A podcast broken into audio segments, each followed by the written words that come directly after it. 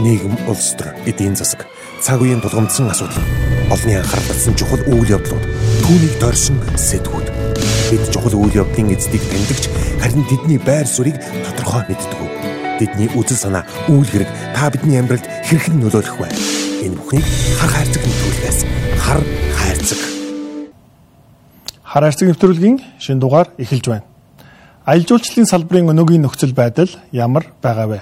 Энэ салбарт нэн тэргуунд шийдвэрлэх ёстой ямар ямар асуудлууд байна вэ? Монголын онцлогтой аялал жуулчлалыг хэрхэн хөгжүүлэх вэ? Эдгээр асуултад хариулт авахар Монголын аялал жуулчлалын холбооны ерөнхийлөгч шинжлэх ухааны доктор Дамбын ган төмрийг студидд ураад байна. Хар хайрцаг. За маш их баярлалаа. Баярлалаа. Тэгээ би аялал жуулчлал гэхээр би тань тодорхой хэмжээнээс баяр хүргэмээр.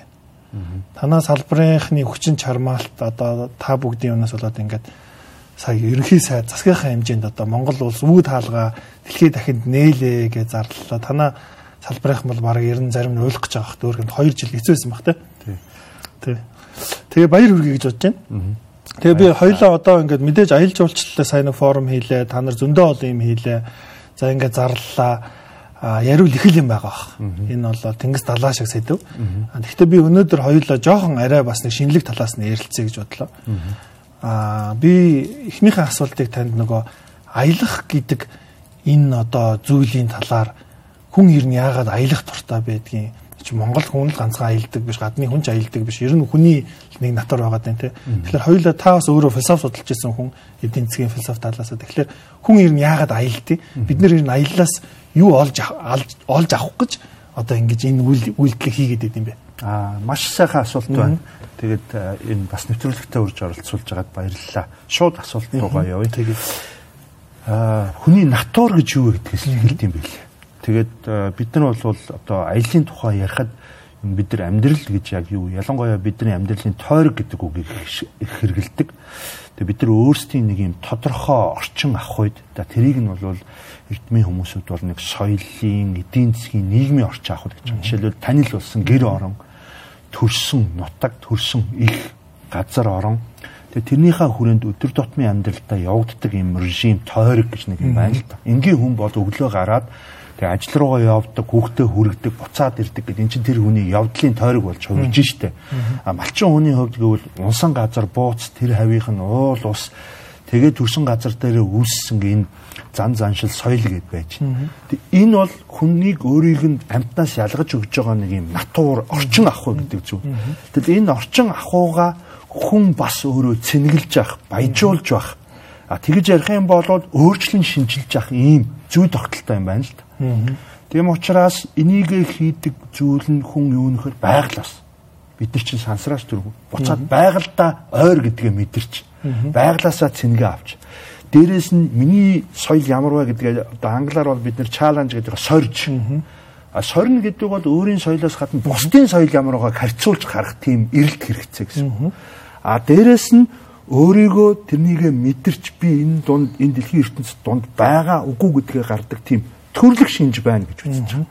Тийм учраас маш олон эрдэмтэд баталгаажуулж гаргаж ирж байгаа нь аялал гэдэг зүйл бол том эдийн засгийн салбар гэхээсээ илүү хүнийг хүнээр нь байлгадаг нийгэм соёлын нэг үзэгдэл буюу байлгадаг атрибут шинж юм а гэж ингэж. Тэгээ яагаад гэвэл тэр байраа сольж аялал гэдэг бол эхлээд бол биеэрээ байраа сольхыг хэлдэг ус. Өөрийн төрсэн газраас. А сүүлдээ бол оюун сэтгхүүгээр жишээлбэл бясалгал Деважингийн орныг мөрөөдөж байгаа зүйл. Эсвэл одоо орчин үед компьютерийн өмнө би энэ байж байгаа мөртлөө куби арал руу очиж зургийг харж үзээд тархиндаа ургуулan бодож байгаа.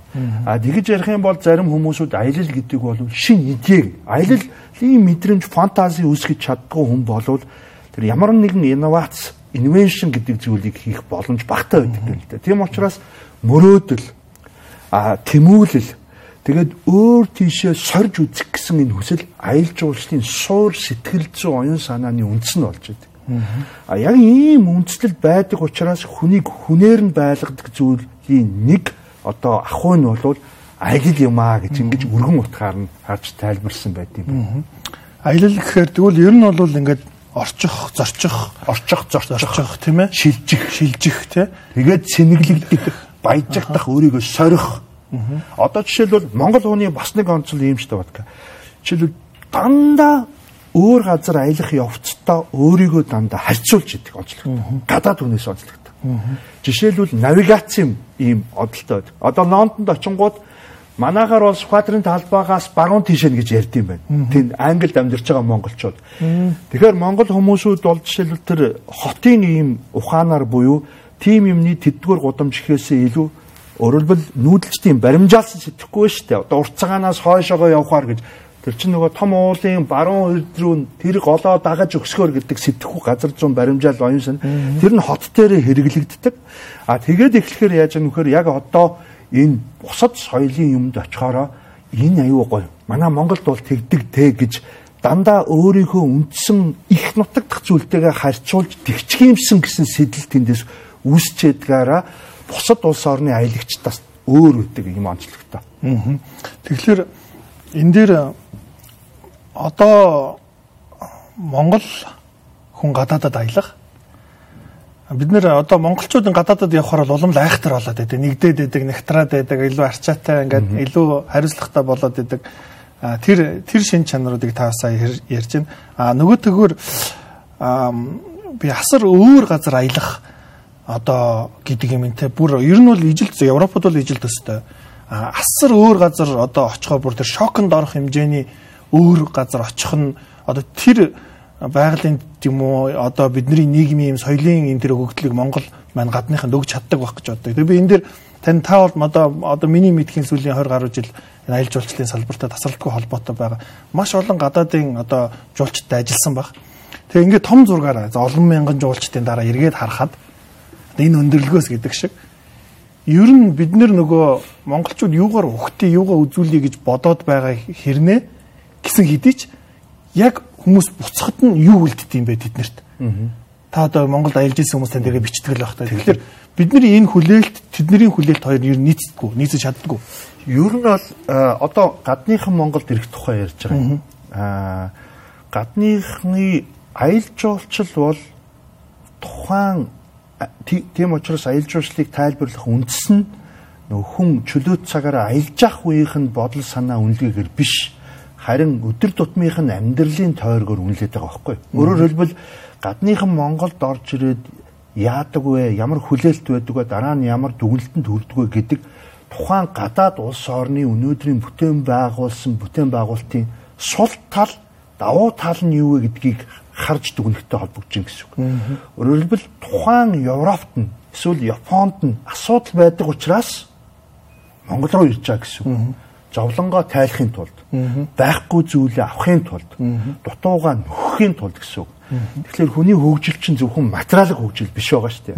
Бид нар англи дээр spiritual гэж хэлээд байгаа оюун санааны дотоод сэтгэл зүйтэйгээ зөрчилдсөн, үзэл санаагаа эрен хайсан, би хинбэ гэдгээ тодорхойлох гэсэн ийм режимд хүн төрлөختөд орчоод явж байгаа. Бүх юм нь бэлэн хангагдж байгаа энэ сүүлийн одоо зах зээлийн 20 гаруй нийгэм өөрөө хүнийг цаашаа бидний хөгжил юу вэ гэдэг рүү оруулж байгаа байхгүй. Өндөр хөгжилтэй гэж байгаа.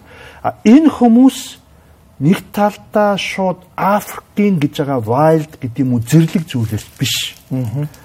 А нэгсэндээ унган байгальтай байгаа мөртлөө тэрэндээ зогцож амьдэрсэн соёл руу очиж эргээд өөрийнхөө хөгжлийнхээ алдаа оноор дэнслэх гэж ирж байгаа гэсэн. Энэ бол дуршлагатай жуулчдын хувьд. А нөгөө талаараа болвол дуршлаггүй эхэлж байгаа жуулчдын хувьд ертөнц гэдэг бол зөвхөн Европын Парис байдаг юм а. Аялал гэдэг бол зөвхөн Тайландын аргалт биш юм а гэдгийг залуучуудад сорилт болгож тавьж өгч байна гэсэн үг. А гуравдугаар гэх юм бол Монгол орон өөрөө адал явдал тусгай сонирхлын аялал. Бүх юм бүсээ чангалсан а одоо Лас Вегас хэлбэрийн ийм аялал биш мориноосоо унжиж болох асар хүйтэн гэр дотор хонж болдог ийм адал явдал сорилт одоо бид нар чи цэрэгт явуулахгүй учраас те мэдрэмжийг өгөх энийг таашаалтаагаар өгөх сургамжит хэлбэрийн зүйл байна гэдэг ийм чиглэл ихэвчлэн ирдэг юм байлээ. А дүгнээд хэлэх юм бол Монголд ирдэг жуулчдын хүлээлт бол нэгдүгээр унган байгаль соёл хоёрын дунд холбогдсон огт байхгүй тэр гайхан гайхалтай хэлбэр гайхаад байхгүй яаж тэр бүргэд гэдэг зүйл Европ хүний тархинд зэрлэг ан амьтав. Гэвтэл хүн буюу соёл цивилизац бүхий хүн тэрийг нийлүүлээд дундаас нь мессеж өгч явуулаад байна. Энд чи ойлгохдохгүй шүү дээ. Чи зөвхөн циркт байх л зүйл. Эсвэл говийн тэр энгийг яаж одоо дуу ингэний ботгоны бүүвэн дуугаар туслуулаад нулимс туслуулаад энэ ч одоо job аргатлаа шүү дээ. Бельгийн Антверпны дээр хоёр бүгд бактериан хэмээл байж байдаг. Энд чи ойлгохдохгүй. Аа энэний дээрэс нь одоо сүүлийн үед яриад байгаа бидний хөгжил гэдэг зүйл бол материалын хөгжлийг бүтээхэд мөнгө дээр нэмэх нь пашн сэтгэл зүй гэж юм чухал байд юм байна. Энэ одоо дотоод хүч гэж юм. Тэг энийг хаанаас авд юм бэ? Зөвхөн гар утсан дээрээс юм уу? Энийг нөгөө цэнэглэнэ гэдэг байгаа зүйл тэнд байна уу? За энийг бол аялал жуулчлал бүтээгдэхүүнээр уралж байгаа юм. Дээрээс нь домог ярьж болно тий.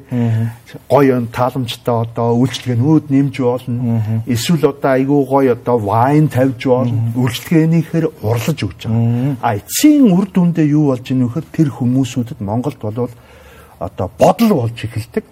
Тэгээ гурван янзад хувирж байгаа. Нэг хэсэг нь Монгол дэндүү хайртай болдог.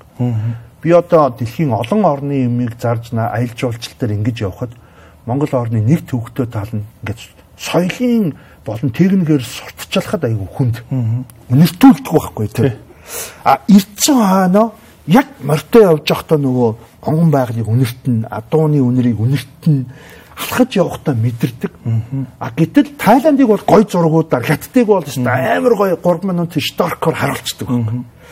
Тийм учраас Монголд ирсэн хоноо Монгол дурлагчдын тоо их болдог. Энийг бид нар төрийн бодлогоор Монголын одоо соёлын болон аялал жуулчлалын хөл гарууд болгож нэмэх хэрэгтэй. Тэд нар хөрөнгө оруулалт авчирна. Тэд нар биднийг гадаадад төлөөлнө. А хоёр дахь хэсэг нь болоод хүүхдүүдтэй ярьж энэ ер нь амьдралдаа нэг одоо очих хэвээр орн байна гэж үздэг. Гурав дахь нь бол зүгээр л үдчичлээ боллоо. Миний одоо тоо биш байна. Боллоо Тийм байна тийм. Гал явдаг тийм. Тэр юу их сонирхолтой санагдаж байна. Ямар ч за бид нар л өөр байна. Юник. Тийм. Тэ одоо Европын тэнцэн ингээ 20 30 орн хоорондоо ерөнхийдөө төстэй шүү дээ ойрхон учраас. Тэглгүй яах вэ? Бид нар бол өөр байна. Аа ижилхэн ямиг өөр болгох гэж эвдэж ингэж оролдох гэсэнд орвол анханасаа өөр байсан юм чин ер нь хамаагүй амар энэ бид нэр давуу тал өгөгдөл байна тий өөр байгаа өгөгдөл байна. Тэнгүүт одоо ингээд таасаа хэлж ийн ингээд ирий гэж бодох нэг хэрэг. А эрдснийхэн дараа авч байгаа тэр мэдрэмж бол үнэхээр том тэд нар үнцэн үлдээдгээ. Эндээ бол яадаг. А Монголд ирээд бүр буцаагүй хүмүүс байдаг шүү дээ. Бүр дурлаад ингээд гэр бүлтэй болоод амьдрал зохиоцсон. Маш олон гаднах юм байна. Маш олон байгаа тий. А тэгээд тэд нар бол Монголд хайртай л гэдэг те. Тэр бол бас нэг жишээ нь баг. А энэ дээр за ингээд нэгэн дэрсэн та түрүү нөгөө урлыг гэж ярьлаа шүү дээ. За биднэрт бол яг гол юм байна. Гол үзүүлбэр нь бол байна А тэгвэл хүн ингээд нэг үзүүлбэр очиод үзэхдээ за театр чухал төсөөллийг гэх юм бол мэдээж юм дулаахан, цэвэрхэн а дээрээс нь суудлал нь одоо зөөлхөн ч гэдэг юм уу. Монголд ирээд байхад тэр хүн бол тав тухгүй ирчээд буцъя гэж боддог баг. Тухайн жуулчин тий. Тэгэхээр би та энэ урлах тал дээр бидний одоо гол гаргаж байгаа алдаанууд байдаг юм уу? Эсвэл ер нь бол алдаа гэхээс илүү бидний мэдрэхгүй байгаа юмнууд байна. Бид тур операторууд байна, буудлууд байна, одоо хөтчүүд байна, тий энэ компаниуд байна Яг зөв. Бас айгүй гоё асуулт. А яг зүгээр Монголд яг ирэх үед манай компаниудын их ярьдаг зүйл бол шууд агаарын тээвэр үнэтэй холбот юм аа. Тэрийг бол хоёлоо их яриул нуршилт болчихно. Зүгээр ганцхан зүйл нэмэд хэлчихэд бол манайх л ер нь бол дэлхийд үнэтэй аялахад Монгол бол үнэтэй шүү одоо. Тэр бол олон шалтгаанууд бий. Монгол бол үнэтэй. Монгол бол үнэтэй. Гэхдээ би тэрийг доошо болгох шаардлагагүй гэж байна. Үнэтэйгийнхаа хэрээр үнэтэй мэдрэмжийг дахиад өгөх хэрэгтэй. Чанартай байх хэрэгтэй. Нэг сонирхолтой юм байдэн штэ. Бид нар одоо жил болгон судалгаа хийхэд өндөр үнэтэй төлж хурж ирчээд хаах манаа миний одоо аялал ямар үнэтэй хогийн газар ирчвэ гэсэн говьл нь маш бага байдаг. А тэгсэн мөртлөө тэрэн дундаас яг бүх зүйл нь гой болоод урлал нь сайн болохоор тийм гомдол гараагүй мүү гэхээр үгүй дэлхийн нийтийн стандартын нийтлэг үйлчилгээнүүд дээр дандаа гомдол гарна. А бидний хэлээд байгаа ховор юник буюу цор ганц зүйлүүдээр тэрийг нөхөж сэтгэлдээ батцгаад байгаа байхгүй. Улаанбаатарт ирээд замын төвжээ, тээвэр, гайдын үйлчилгээ, зочод буудал, хөдөө аваа хоол, унд, нойл гэдэг уламжлалт зүйлүүдээр гомдлож энэ тэрэндээ авж байгаа мөнгөндөө хүрхгүй байна гэсэн мөртлөө малчин айлууд дээр очоод нөгөө бодод төсөөлөөгүй байсан уужим тэр бүглэрчсэн байсан сэтгэлдэх зүйл нь гаргаад тэр гомдлуудаа дарчдаг байхгүй. Ерөнхийдөө. Тийм учраас манай урлалын давуу сул тал тэн дээр оршиж байдаг. Тэгэхээр бидний хувьд анхаарахгүй байгаа зүйлийг би хэлж өгье. Нэгдүгээрт нь Монголын одоо үйлчлэгээний байгууллагуудын дийлэнх нь энэ cross culture communication гэж бид нар англиар хэлээд байгаа. Соёлын энэ ялгаатай юуг зөв үйлчлэгээ, юуг ямар хэрэглэгч яг нэхэдэг юм бэ гэдгийг ойлгох хэрэгтэй. Мэдээж хүн болгон цутгсан юм шиг ажиллах нь биш учраас зарим хэсэг нь болвол одоо тийм зөвхөн материалыг баталгаажуул тухтай байдлыг шаардна. А нөгөө хэсэг нь жишээлбэл дийлэнх нь ор ор дотроо ядаж урт нь матрас нь дэр нь дээрээс нь маш сайн одоо аюулгүй нам дулаахан унтах. Тэгээд өглөөний шүршүүр тэгээд өглөөний одоо тэр өглөөний цай. Эдгээр одоо миний тэнд байдаг тасцсан тэр зүйлд байхт боломжтой. 10 жуулчны хоёр нь окей хатуу гудсан дээр ингээд учир маргааш нь байна гэж бодно. 8 тэхгүй тийм. Тэгэхээр бид нар бол тэрийг Монгол хүнд зүгээр л байдэн штэ гэж. Монголын чи аялал жуулчлалын зах зээл өөр айгүй олон тал учраас Япон хүнийг өөр, Франц хүнийг өөр байгаа гэдэг зүйл. Тэгэхээр нэгдүгürt манай үйлчлэгээ олон янзын одоо хүмүүсүүдэд зориулсан basic гэж яриад байгаа үндсэн одоо шаардлагыг яаж хамгийн маягаар хангах вэ гэдэг зүйл. А дээрэс нь нөгөө үйлдвэрлэгч талдаа төвхтөө. Жуулчны бааз чинь Яг 7 сар үед бүр огцом өрөөгөө болж хувирдаг мөртлөө 6 сар 9 сард нь юу ч юм байхгүй occupancy бага байгаад идэг тий. Энийг нөгөө yield буюу өгөөжийг өсгөх менежментээр шийдэх мэдээ бизнес менежмент үйлчлэгийн салбарт дутуу байна. За 3 дугаарт Монголын аялал жуулчлал гайд дээр тулгуурсан аялал. Энэ юу вэ гингот энийг бол уул гэдэг юм а гэдэг тийм байха болцсон. Яад гайд гэдэг хүн тэр урлалыг хийдэг амилж явах хэрэгтэй байхгүй гайдаж. Оо тэдний юм та нар энэ харж байгаа энэ одоо та жишээлбэл дунд говьд аялж исэн би мэдчихээн. Тэнд очиод цаан суврах гэдэг чинь юм байгаа маа ингээд өөрөө төсөөлөл харна л та. Гэтэ тэр түүх домгуудыг хилээд тэрэн дээр байж исэн олон хутгтуудын үндслүүдийг гаргаад тэнд хутагт хаанаас яаж тэр дараагийн ертөнц рүү шилжилж хийжсэнийг үзүүлээд шуурган дундаас биегээ олохын тухай гаргаж ирээд ингээд тайлбарлаад маш гоё дулаан герт нь оройн авчирж жагаад гал төлүүлж жагаад вайнтай те орон нутгийнх нь үйлчлэгээтэй тавиад тэгээ нэг удаагийн одоо хүндрэлтэй үйлчлэгээ гайд хүн яаж бий болох тэгэхээр гайд дээр тулгуурсан стори биш стори те стори телling бол одоо маш чухал болчиход байгаа юм. А хамгийн сүүлд нь хэм болоод ерөөсөө нөгөө манад үйлчлэгчээ мэдэрч тэрэн дээр тулгуурсан эдийн засгийн хөөжийг үсгэж чаддаг. Өөрөөр максимайз болох гэдэг. Өөрөөр хэлбэл бид нар А энэ бол өндөр үнэтэй шүү л гэдэг ингээд тавиад байдаг. А ямар ч жуулчин хүн эхлээд мөнгө төлөхдөө тийм өндөрөөр төлдөггүй. А энэ нь free drink гэж тавьж агаад араас нь урлан гэдэг чинь юмаа бүгдийг нөхөөс гадна яаж мөнгийг авах вэ гэдэг урлах ухаан байгаа байхгүй. Шат шаттайгаар. Тэгэхээр cost management гэдэг энэ зүйлүүдээ бас бид нар тэр үйлчлэгээний менежмент талаас нь нарийн гаргаж ирч чадаагүй Орос маягийн, Хуарангийн нэг юм казарм маягийн кемпүүдтэй. А тэнгуутаа энэ зочлох үйлчлэгээ биш ноён маягийн үйлчлэгээтэй. Манай одоо менталитет дотор байгаа. А эцсийн үлд нь болохоор аялал жуулчлалыг энэ өргөн хүрээнд сэтгэл өгдөг биш ийм ямар ч газар оронгүй улс нэг ийм далайн эрг дагуу ингэж байгаа юм шиг төлөвлөхгүйгээр хийсний laйл анчгийг эргээд бид нар өөрсдөө амсаад байгаа юм. Аа. За юун дээр тэгэхээр бол төрөөнийх одоо ингээд үзэгчтэй хэдүүлээ хэлэхэд бол хүний нөгөө хамгийн үндсэн хэрэгцээнүүд айгу зөв хангаа гэж шүү дээ. Энэ бол сайн унтуул одоо тэр ариун цэвэр одоо бие засах газар нь за өглөөний аюулгүй байна. Аюулгүй байдал. А энэ нь бол энийг шийдчих юм бол Монголын өгөгдөл бол тэн дээр бол одоо хүний сэтгэлийг гонсоолохгүй байна. Тэгэхээр бол ингэж ойлгох. Тэгэхээр үндсэн хэрэгцээнүүдээ сайхан үндсэн хэрэгцээгээ сайн хангаад нэмэлтээр одоо өгөөж үүсгэх зүйлээ гайд дээр тулгуурлаа стори дээр сайн хийж өгөө гэж. А болж өгөр Монголын аялал жуулчлалын компаниуд өөрийнхөө нэг одоо аялах газар болгоныг компани гэж үзээд хойролт хийж ажиллах хэрэгтэй. Бүгд рүү биш. Тэгээ бид нэг хэсэгхэн хугацааны сурчлагын дараа эргээд студид уулзцгаая. За Монголд хүн ирчнээ а ингээд соёлон таалагдчихээн ингээд за бид нар ингээд юмаа нийцүүлчихье гэдэг тэгэхээр энэ салбар маань өөрөө Монголын бусад эдийн засагт одоо үр нөлөө өгдөг салбаруудтай харьцуулахад их гоё салбар санагдаад байдаг хөөе. Одоо уул уурхаа бол хичнээн Монголыг авч явж байгаа ч гэсэн ингээд нөхөн сэрэгдэггүй ч юм уу те. Ингээд за банк санхүүч яг дотроо ингээд нэг хүний мөнгө нөгөө ч гэдэг юм уу. Одоо үүрэн телефон ч гэдэг юм уу. А аялал жуулчлал бол үнэхээр яг валют оруулж ирж байгаа. Уул уурхаан дараа. А тэгээд та энэ аялал жуулчлалын салбарыг одоо бид нар аль салбараа хөгжүүлж болно шүү дээ түлхүү. Технологич байж болно те. А тэгэхээр яагаад аялал жуулчлал гэж одоо таны хувьд Хүн болгон салбараа гоё гин штэ. Тэгэл тэгэл тий. Одоо ингэдэм байна. Одоо цар тахлын өмнө жишээлбэл арчилсан солонгос манайхантай яриад хэд хэд удаа нэвтрүүлэг хийгээл одоо хүмүүсүүдийг уурал те аялал жуулчлал хөгжүүлнэ гол нь гэл. Тэгсэн чинь аль хэдийн асуудал нь шийдэгдсэн байгаа Швейцар ч юм Америк гээл. Бид нар ITV үзэсгэлэнд явж ирсэн чинь Афганистаныхан хурцал та нар яагаад энэ дэлхийн улс орнуудын бүгд аялал жуулчлал гэдэг? Хоёрдугаарт энэ Давсын чуулган чинь дэлхийн эдийн засгийн өрөлдөх чадварын үзүүлэлтийг гаргангаа ганцхан салбарыг спешиал гаргадаг нь аялал жуулчлалын салбарын өсөлтөх чадвар. Тэгээд нэгдсэн үндэсний байгууллага чинь дэлхийн аялал жуулчлалын байгууллагыг өөрийнхөө харьяа яг ЮНЕСКОтой адилхан UNWTO дэлхийн нэгдсэн үндэсний байгууллагын дэлхийн аялал жуулчлалын байгууллага гэж авдаг.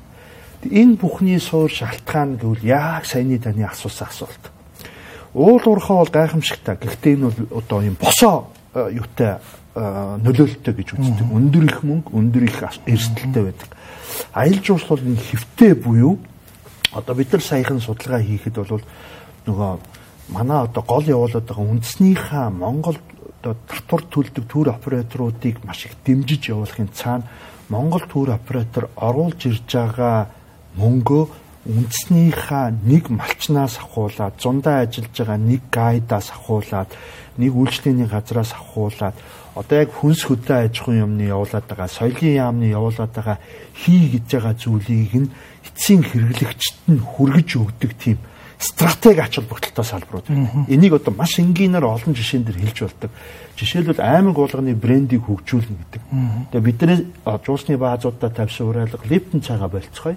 Аймгийнхаа одоо хөгжүүлж байгаа цайг жуулчны бааз дээрээ хүргэх. Гэхдээ хэрэглэгчийн эцсийн сонголт. Үгүй би зөвхөн өөрийнхөө ахмад цагаа уун гэвэл байдаг. Байдаг тэр юм. А манай дуршиг гэвэл Монголын нүүдэн байж байгаа тий? Заавалчгүй одоо Холландын пивийг уугаад тахтаа гол нь биш гэсэн санаагаар.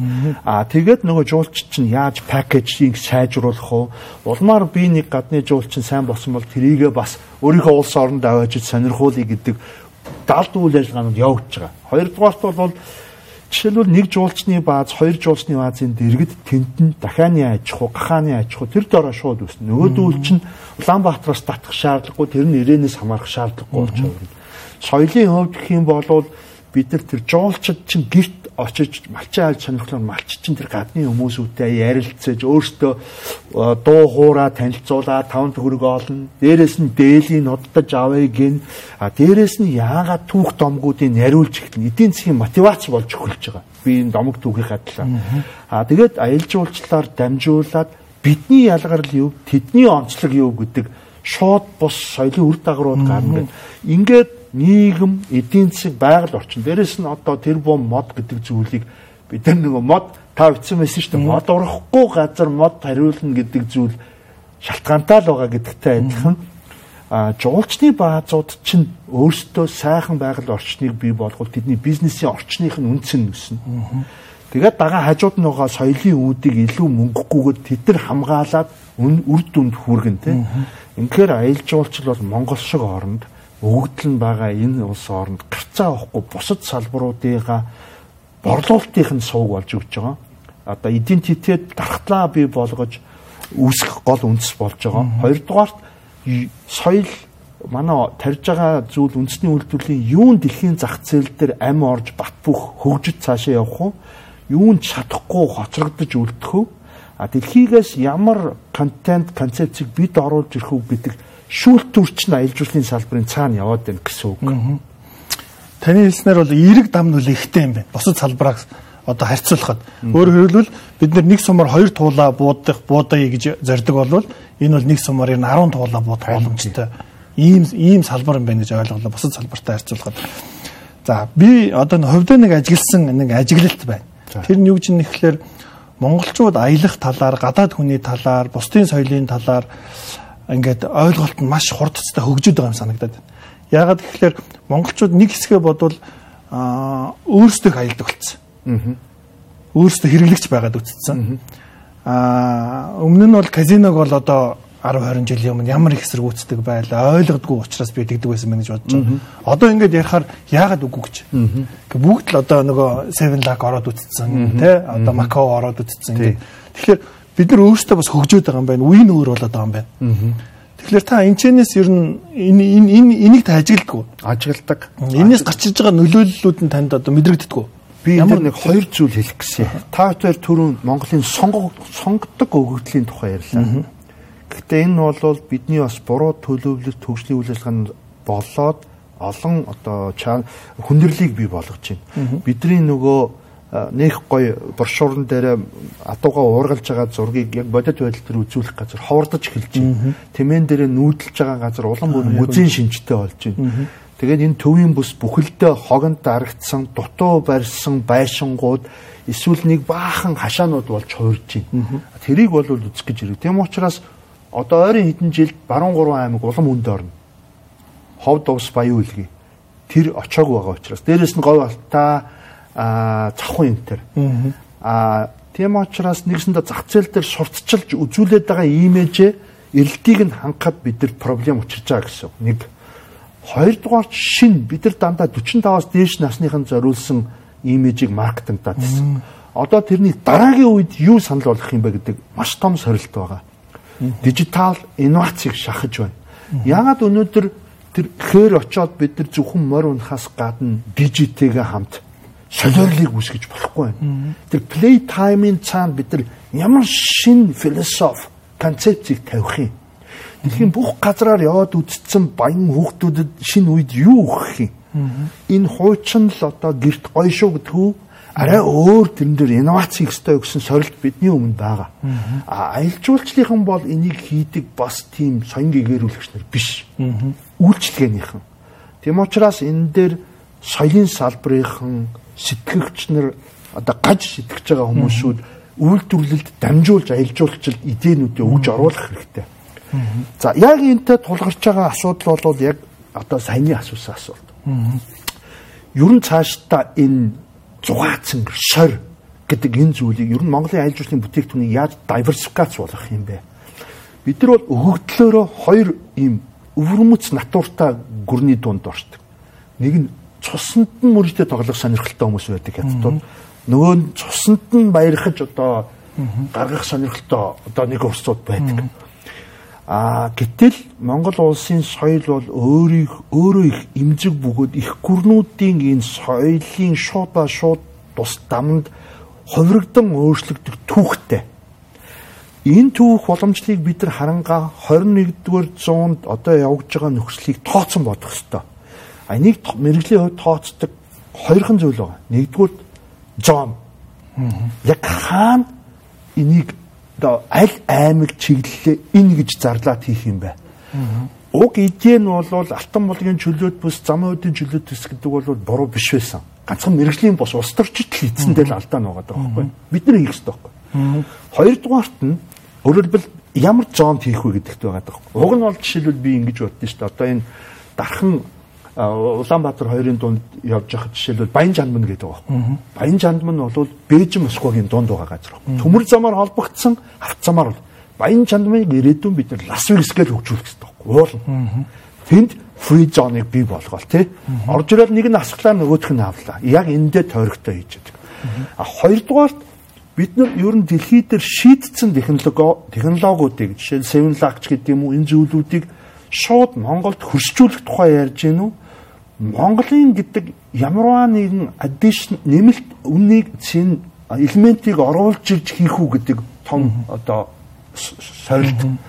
А бусад улс орнууд бол ерөнхийдөө шууд оруулж ирээ салбарлаад мерчендайз хийгээд магадгүй менежментийн Гонконг, Макаогийн компанид өгөөд хийгдэг байдаг. А Монголын хувьд бол миний ойлгож байгаагаар бол морьтой Чингис хаантай холбоотойгоор Жишээлбэл одоо хятадууд ч ингээд компьютер дээр ингээд Чингисийн үеийн юу гэж машинтаа тоглож штэ. Яагаад энэ том одоо дорны их талтай нэг хэсэг газрыг амтных нь аймагтаа ялгаж хагаад тэр машинта тоглодог энэ шин ирнэн үеүүдийг яг өөрсдийнхөө машинта өөрөө бариад явдаг Jeep Rally хийж болдгүй. Бодит байдал дээрх компьютер тоглоомыг Монголд хийгээд тийм. А казиногийнхоо зүйлийг тэрнээс үүдэлтэйгээр тэндээ тоглож байгаад Монголдо яг өөрөө үйл ажиллагаан дээр алдсан бол Монголын одоо тентх энэ хөрөнгө оруулалтын энэ зүйл дээр нь чтоноо хөгж өгдгөөр ингэж холбож ягааж болдгүй ч гэдэм үү. Ийм том хөгжлийн философиг нийгэм эдийн засгийн үйл ажиллагаанд хамтарч их ёстой гэж боддог. Хамгийн сүүлд менеж таавал сайн мэднэ. Хэн хийх вэ? Менежмент ямар хүмүүс ямар бодлогоор би бол Монгол улс зөвхөн Монгол хүн гэж явцуурах сонирхолгүй. Дэлхийн хамгийн бярта дубаг хийхэд тэгсэн шүү дээ. Бид нар зөвхөр концепт нөхцөлөө баталгаажуулж тавьсан. Тэгээд яг одоо цахиурын хүндийн шигээр яг энэ дээр ажилдаг залуучуудаар 3 4 жилийн хугацаантаагаар яг энэ нөхцөл ийм метр квадрат ийм юм дээр дэлхий дээр байгаа жишээлбэл event менежментээр сурж байгаа шоу чиглэлийн санхүүжилт фандрайзингаар хийж байгаа магиструудад эсвэл энэ залуучуудад кейсийг болгож өгье л да. Миний дараагийн нэг асуулт энэ нь болохоор сүүлийн үед манай монголчууд маань бас их гадаад руу аялдаг болж эхэлж байна. Яг зөвхөн аялал жуулчлалын зорилгоор чинэлэг дундаж давхарга маань одоо ингээд ихсэж байна. Залуу гэр бүлүүд ер нь болж өгвөл жилдээ нэг одоо хосоороо юм хүүхдээ аваад ингээд аялаад эхэлж байна. Тэгэхээр би энэ одоо анх аялж эхэлж байгаа энэ залуучуудтай хандаад ер нь та ин зөвлөгөө өгвөл хаанаас эхэлсэн дээр үү? Ер нь юг юг анхаарсан дээр үү? Тэр нэг зөвлөгөө өгөөч. Анх аялагч гэж байгаа учраас ер нь Сингапур жишээлбэл хөгжил дараа нь Тайваны хөгжлийг ингээд судлахад бол ли ерөнхийлөгч гэсэн хэлж ирсэн аялцгаа гэдэг юм. Тэгээд манайхан ч гэсэн та яг үнийг хэллээ. Дундаж энэ давхаргийнхан ч гэсэн устууд нь ч гэсэн зүгээр янз бүрийн хэрэгтэй хэрэггүй хуучин машин дээр авч яхаас тий хүүхдүүдтэйгээ хамт аялаад ирээ. Тэгээ энэ бол life experience дээрэс нь бол сургаалт одоо хөрөнгө оруулалт гэж харж би маш их дэмжиж байгаа. Анх аялж байгаа хүмүүсүүд бол өөрсдийнхөө сэтгэлдээ төсөөлөд байгаа хамгийн одоо тааламжтай үйлчлэгээ авч байгаа. Өөрөлдвөл философик утга учир хайж байгаа тийм газар руугаа биш. Харин материалыг одоо гой сайхныг өгөх газар руугаа аялах ёстой гэж нэгдүгüрт нь хэлж байгаа. Тайланд жишээлбэл гоё байгаа бол Түрк гоё байгаа бол тав одтой буудалд очоод ийм гоё усан пүүлд очоод шоу үзэл тэнгэмээр тэрнлүүгөө яв хөгжил тэгж явдаг. Аяанда тэд нар чинь ингээд дүүр дүүрч хурж ирээд за би одоо хазар монголчууд руугаа очиж үзье ч гэдэг юм уу. Эсвэл би ер нь Монголдоо төслөө Аляск, Айсланд руу ч гэдэг юм уу те. А Шинзландын бүр бүр тийм tribe нэг тийм юу үндэстэн лөө очиж гэдэг юм уу. Ийм юм чинь хинбэ гэдгийг чинь тодорхойлж өгөөд ингээд 5 6 дахь айл болоод тэгэхээр зүгээр ингээд болцсон материалын үйлчлэгээнүүд нь дарагдаад дарагдаад оюун санааны хүсэл чинь намгаалаад эхэлдэг. А эхэнд бол материалын хүслээр ямар байдаг. За тэнд очиод эхлэнгууд та нар одоо үйлчлэл хэрэглэгч нарт юу болж эхлэх вэ гэхээр одоо яг телевизтэй адилхан. Нэг хэсэг Монголын медиа телевизүүд гэ зөвхөн энэ дундаа харьяалагдаад ахаар чинь YouTube-оор ингээ гадаад контент үзэнгуудаа Монгол контентоо үүсгээд нэхэж эхэлж байгаа шүү дээ. Тэрнтэй адилхан гадаад үйлчлэгийг аваад рангууд Монгол үйлчлэгийг үүсгээд гологдоод нойлын үн юуг нь хийлээд тэрнийхээ дагуу үйлчлэгээ гэдэг бол мөнгө төл төлснийхээ дагуу чанарыг нэх гэдэг зарчим руу хэрэглэгч нь ч тэр а тэрийг үйлдвэрлэж байгаа хүмүүс нь ч тэр бодит мэдрэмжээрээ мэдээд ингээд давхар явдаг. Энэ бол хамгийн чухал. За баярлалаа. Тэгэхээр эхэндээ ихэн үедээ бол мэдээж ингээд нөгөө яг материалын хэрэгцээ тав тух амт чанар. Амт чанар. Тэгэл одоо тэр гоё шоу баясгалтай нүдэнэх тийм одоо одоо улсууд байж болж байна. А 10 20 жилдээ олон жил аялаад ирсний дараа бол яг тийм мэдрэмж одоо юм сурах ухаарах үзэл санаа. үзэл санаа тийм аяллууд руу бас явах боломжтой байна. За миний дараагийн нэг асуулт бол бас нийтэд их түгээмэл тулгардаг асуудал асуулт А ялангуяа энэ аял жуулчлалын салбарынханд ингээд хөгжил ярихаар хүн болгон боддог байх гэж бодож байна. Энэ дээр аял жуулчлалын салбарын хөгжил төрийн оролцоо. За жишээ нь энэ бол а маш олон хүмүүс за одоо ингээд агаарын тээврийн либералчлалыг хийх гэж байгаа шиг байна. Ингээд амын нээгээд өгчих юм бол энэ өрсөлдөөндөө бизнестэй болоод өөрөө ингээд хөгжих ёстой юм уу? Эсвэл бол заавал төр нь орж ирэл энэ чинь ингээл тэдэн метр километр тутамд нэг жорлон байх ёстой ч гэдэг юм уу те матрас нь ийм байх хэвээр ингээд заавал стандартаар ингэж хөөж хөгждөг юм уу? Энэ ер нь дэлхийд туршлага ямар байдэ? Дэлхийн туршлагач тэр одоо ер нь аливаа салбарын хөгжлийн туршлагыг ч гэсэн харахад яг аялал жуулчлалыг хүн гэж үзвэл эхэндээ бид нар хөгжлөө зөв тодорхойлох хэрэгтэй. Одоо бид нар айгүй олон жил болчлоо гэдэг яг үнэндээ дэлхийн аялал жуулчлалын тэр сонгодог стандартын төвшөндөө хэдэн жил хэдэн настай хөгжиг байна вэ гэдгийг харах хэрэгтэй байдаг. Тэгэхээр хүүхдтэй хүний чинь бол эцэг гэх нь бас нэг тодорхой үе хүртэл бас нэг ингээд унчих үе ойчих үе гэдэг нэг харж хамгаалж явна шүү дээ. Аяанда тэр насанд хүрэх чиглэл рүүгээ ороод эхлэхээр бол өөрөө өөрийнхөө үйл ажиллагааг тогтоогоо явуудагтай адилхан тухайн салбар өөрийнхөө тэр бидний хүсэн хүлээж байгаа хөгжил рүү бий болгоход төрийн оролцоо тэр тэр төвшөнд нь байдаг. Гурван зүйл дээр л голцоо. Нэгдүгüрт нь бол тухайн нийт улс орноо сурт дэлхийд таниулах сурталчлах бодлого гэж байгаа. Аялал жуулчлалын ард дандаа зөөлөн хүчний бодлого явж байдаг. Соёл, эдийн засаг, дипломат бодлого аялал жуулчлалын араар явагдаж байдаг. Хоёр одоо жишээлбэл дипломат гэдгийг би маш энгийн үгээр жишээлж хэлэх юм бол Монгол ер нь цаашдаа дэлхийд дээрх одоо 30 хэдэн сая гаруй Монгол гарвалт үндэстнүүдийн төв нь Монгол улс байх ёстой юу? Тэгвэл ямар мессежийг энд давхар явж явах юм? Тэгээд тэр хүмүүсүүд одоо өөрийнхөө энэ төрмөл их нутагтаа ирж одоо өөрийнхөө зовлонгоо ярьж тэрэндээ нэг удаа химраад илэгдэг тийм одоо чиглэл байна гэж бид үзэж байгаа бол сурчлагаан дээр энэ явж явах ёстой гэсэн үг. За хоёрдугаарт нь бол төрөөс оролцдог гол зүйл бол том дид бүтцээ шийдэж өгдөг. Энийг гэхдээ аялал жуулчлал гэдгээр нь явуулдаг. Энэ бол хараа хэрцгний бодлогоор дандаа иргэндээ гэдгээр явж явах ёстой. Өөрөөр хэлбэл бид нар одоо хаана гэж дундгав аймагт амар гой таван оттой буудал юм уу орчин үеийн жуулчны бааз байна гэчихэд дундгавынхны иргэн халуун усгүй нийтийн үйлчлэгээ авч чадахгүй бол аялал жуулчлал хөгжсөн ямар ч үр дүн байхгүй. Тэр орон нутгийн иргэн өөрөө бахархлыг авч хэрэглэгч нь болж байгаа хэвээр. Жишээлбэл бид өмнө говьд одоо хадны дээр үеийн тэр хүн төрлөختний түүхэнд байхгүй сүг зураг байна гэхэд өмнө говийн хүн өөрөө трийг үзээгүй хэрэглэгч нь биш 10 жилийнхэн хүүхдүүд тэрэн дээр очиж үзээгүй байгаа тохиолдолд бид нэр гадаадын хүмүүсүүдэд тэрийг үзнэ гэдэг нь зөрчилдөөн болж хуурж байна гэсэн. За ийм учраас энэ дээр төр боловсролын хувьд хөрөнгө оруулалт дид бүтцийн хувьд нэг бодлого явуулдаг гэсэн. За гуравдугаарт нь ер нь бид нэр аялал жуулчлалаар юг аялах гээд байгаа. Аялал жуулчлалыг сум гэж үзэх юм бол байн юу юм бэ гэдгээ тэр үргэлж харж ах хэвээр. Хэрэгжүүлэгч нь компаниуд байхгүй. Жишээлбэл Хятад, Тайланд, Гонконг ер нь Азийн улс орнуудын бодлого төрн тэрийг хэрэгжүүлж яадаг тэргүүлэгч 10 компани руугаа шидэж өгөөл тэд нар энийг нь бий болгож байдаг. Жишээлбэл Монгол улс хоёр хөрштөөгөө харьцахын хувьд а жишээлбэл Монгол улс одоо цаашдаа Монгол бахархал бүхий дараагийн үр хүүхдүүдийг гаргаж ирэхийн тулд аялал жуулчлалаар дамжуулж юу явуулах гээд байна вэ гэдгийг аялал жуулчлалынхаа компаниудад тохиролцож байдаг гэсэн үг. Хувцаар ярих юм бол бид нар нэг талдаа зүгээр дээл өмсөд хөөрөг барьдаг улсууд байх юм уу, костюмтай байх юм уу, эсвэл нацагд орж байгаа шиг дээлэн доторх зангаатай хүүхдүүдийг бид нар бэлтгэх гээд байна гэдгийг аялал жуулчлалын компаниуд нь дамжуулж яадаг. Эднэрт луга тэрийг хэрэгжүүлж байгаа нь одоо мөнгө нь хуваарлагдаж очиж бий болгож яадаг гэсэн үг.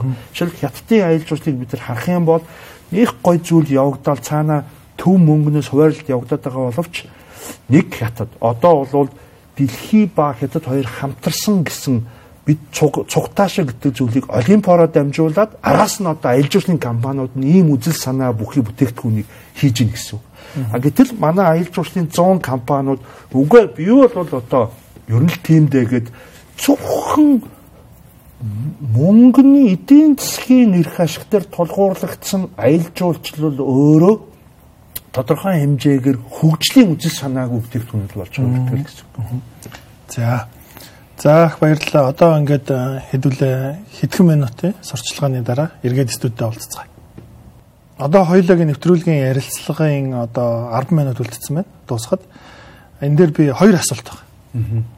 Эхнийх нь аа танаа салбарынханд эмзэглэж явдаг зүйл байгаа. Яг одоо бид нэр одоо нөгөө ингээд нэг хуудсан дээр очоод төртөөгөөч тэр хувийн хвшил дагаач тэр за иргэдэнч тэр ингээд хөгжүүлж чадахгүй ойлголцож чадахгүй байвал ямар асуудалд орох вэ? Таны одоо сэтгэл эмзэглүүлж явж идэг. Хэрвээ хідүүлээ энэ дээр ч юм ойлголцож чадахгүй болвол энэ Монголын айлж болчлын салбар сүр шүү, сони шүү. Тэгэхээр энэ энийгээ эхлээ шийдчихье. Гол юмнууд шүү. Айгүй гол юм байна. Гэхдээ гол юмнууд. Тий. Энэ ста миний хувьд бол маш чухал. Тэгээд ч айгүй олон асуудлууд байгаа та. Ерөөсө аялал жуулчлалын компани гэж яг хин бэ? Аялал жуулчлалын салбарын хин бэ гэдэг ойлголт бол маш олон янз байдаг.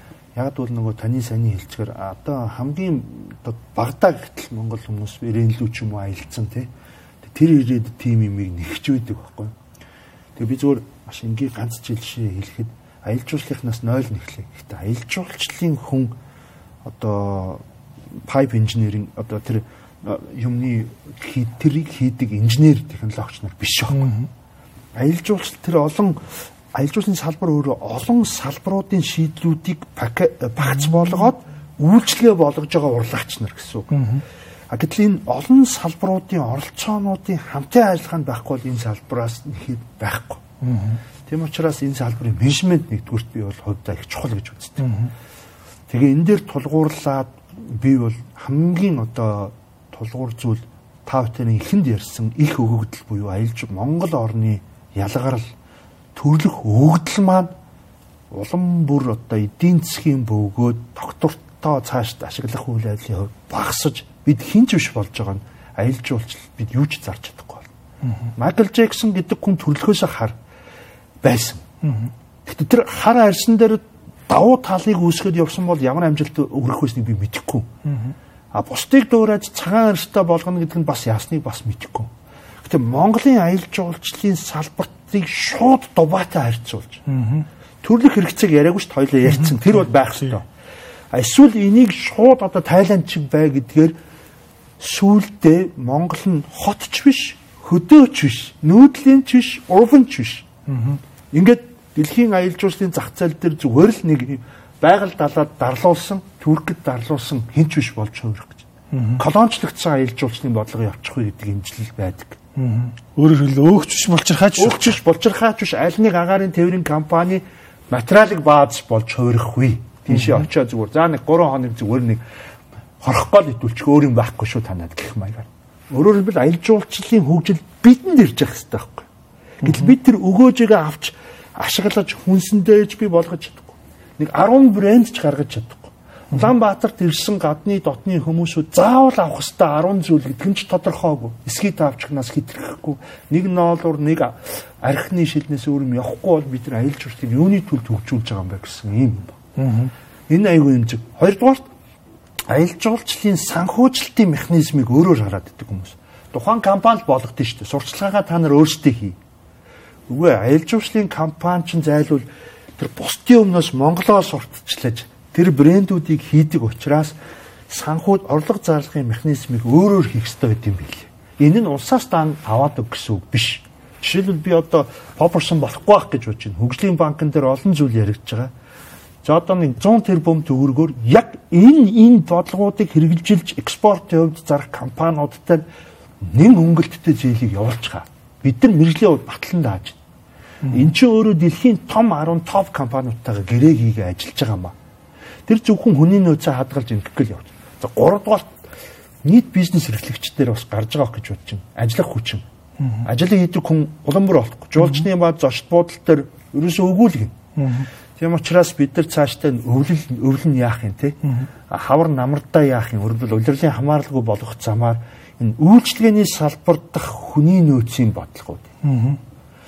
Тэр бол зөөгчөөс ахуулаад яг энэ үйлчлэгээний ивентийг наадмыг яг зохион байгуулдаг мэрэгжлийн яг аялал жуулчлалын менежерүүд байна уу тий энэ зүйлүүдийг зоригтойгоор хийх ёстой. Уул нь бол бид нар бодлогын хувьд Киргиз, Казахстан, Бурайд, Өвөр Монголын энэ нөхдүүд юу MB-гээс дээш хүмүүсүүдийг Монголдо дахин сургаад манай гол нүдүүд болгож явах хэрэгтэй.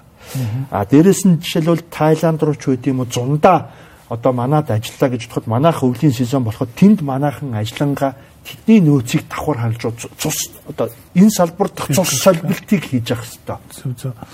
Аа маш чухал зүйлүүдийг та хэллээ гэж бодож байна.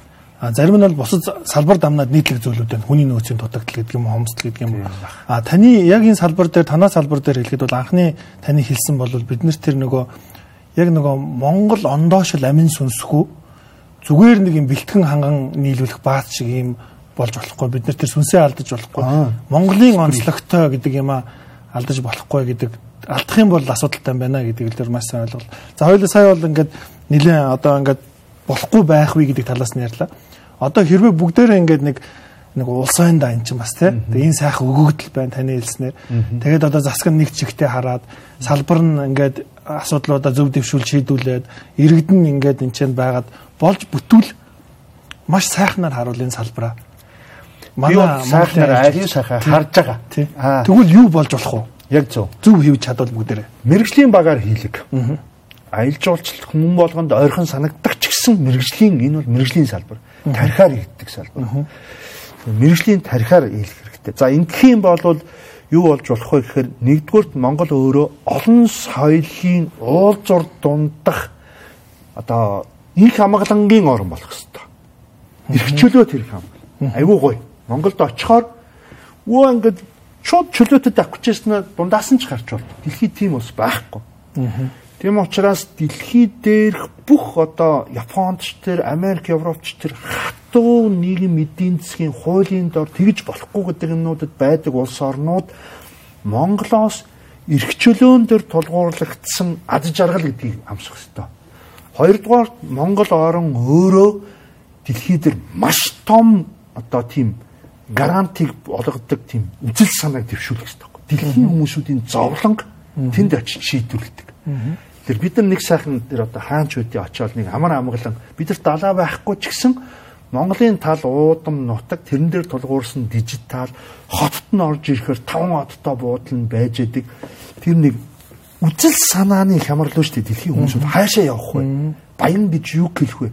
Тэрнийхээ гогцоог нь тайлдаг сорилтын орн болно. А ингэснээр бид өөрсдөө Монгол улс бол өөрөө заавал аялал жуулчлал биш амралт буюу чөлөөт цаг entertainment үйлчилгээ түрэн дээр сургуулсан соёлын үйлдвэрлэлийг ингэж аялал жуулчнд хам дэмжсэн а дэлхийд дээр байхгүй нэг юм аялал жуулчлалаараа ингээд баяжигдсан. Одоо салаадаар ярих юм бол ингээд майнуудыг нь хийсэн. Саяны сал зөөлөн салбарууд уул уурхаан буш тэр зөөлөн салбаруудыг нэгтгсэн Орос хятадын дундах эрхчлөөт ийм бизнес гэсэн тааламжтай, үйл ажиллагаа нь хийхэд тааламжтай ийм энергетик тийм улс болж хувирна гэж. Одоо өөрөөр хэлбэл Чингисийн үед байсан нэг гой зүйл байгаа шүү дээ. Бүх төрлийн шашин байждаг. Торгоны зам, цайны замын хамгийн гол зүйл нь юу гэсэн бэл дайшин фүүгийн пүс ерөөсөө Монголд цайгаа зархад биш шүү дээ. Орос руу зарсан. Монгол болвол одоо баталгаатай хадгалж гаргаж өгчсэн даа хүрээ тийм. Эсвэл торгоны зам болвол Монгол бол тэр араб энэ Аз хоёрын хооронд холбож өгөхдөө ерөөсөө тэр аюулгүй байдлыг нь хангаж өгчээсэн. Тэгээ энд ирэхээр нэг чөлөөтэй болдог. Тэгээ бүх төрлийн шашин байж идэг. Нэг гоё ирэх чөлөөтэй. Тэгэхээр яг тэр философи концепт Монголд гарч одоо Монгол өөрөө дандаа хожиж байгаа хэрэгтэй. Үүний цаана заавал дэлхийд бид нар Монгол гэдэг үгийг нэрлэх албагүй. Яг энэ санааг нэгтгэсэн шинэ брэнд хэрэгтэй. Энэ бол urban nomads ч бас биш. Зүгээр энэ өөр баригдчихад байгаа брэнд байхгүй. Тийм байна.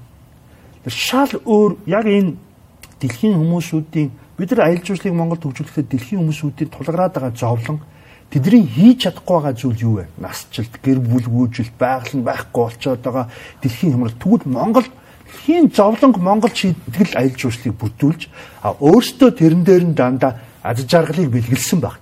Тэгэд хүнд нөгөө үйлчлэгээний хуулиар өгж бэлгэлээд тахаар буцаад өгөөж нь манад орж ирээд байгаа хэтэрхий жоохон боинд долгуурсан айлж өсгөх үү дээ. Тийм байна те. Аа маш сайхан санаанууд надад санагдлаа. Өөрөөр хэлбэл одоо үзэл санааны эрх чөлөөтэй. Үзэл санааны эрх чөлөө. Одоо зорчих эрх чөлөөтэй. Манай Монгол маань одоо хашааг улс гэдэг те. Хашааг улс зорчих эрх чөлөөтэй.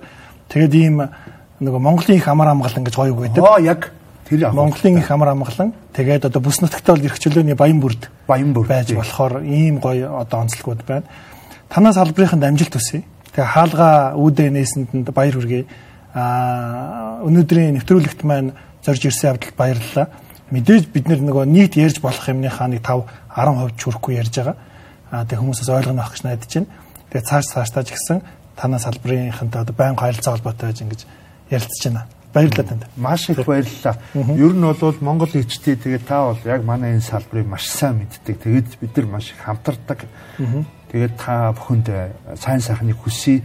Энэ нээгдсэн үйл ажиллагааны үр өгөөж Монгол хүн бүрт салбар бүрт очиж одоо аривжин дэлгэрнэ гэсэн сайхан ерөөлийг тавья. Ерөөл аташгаалтай. За За баярлалаа. За.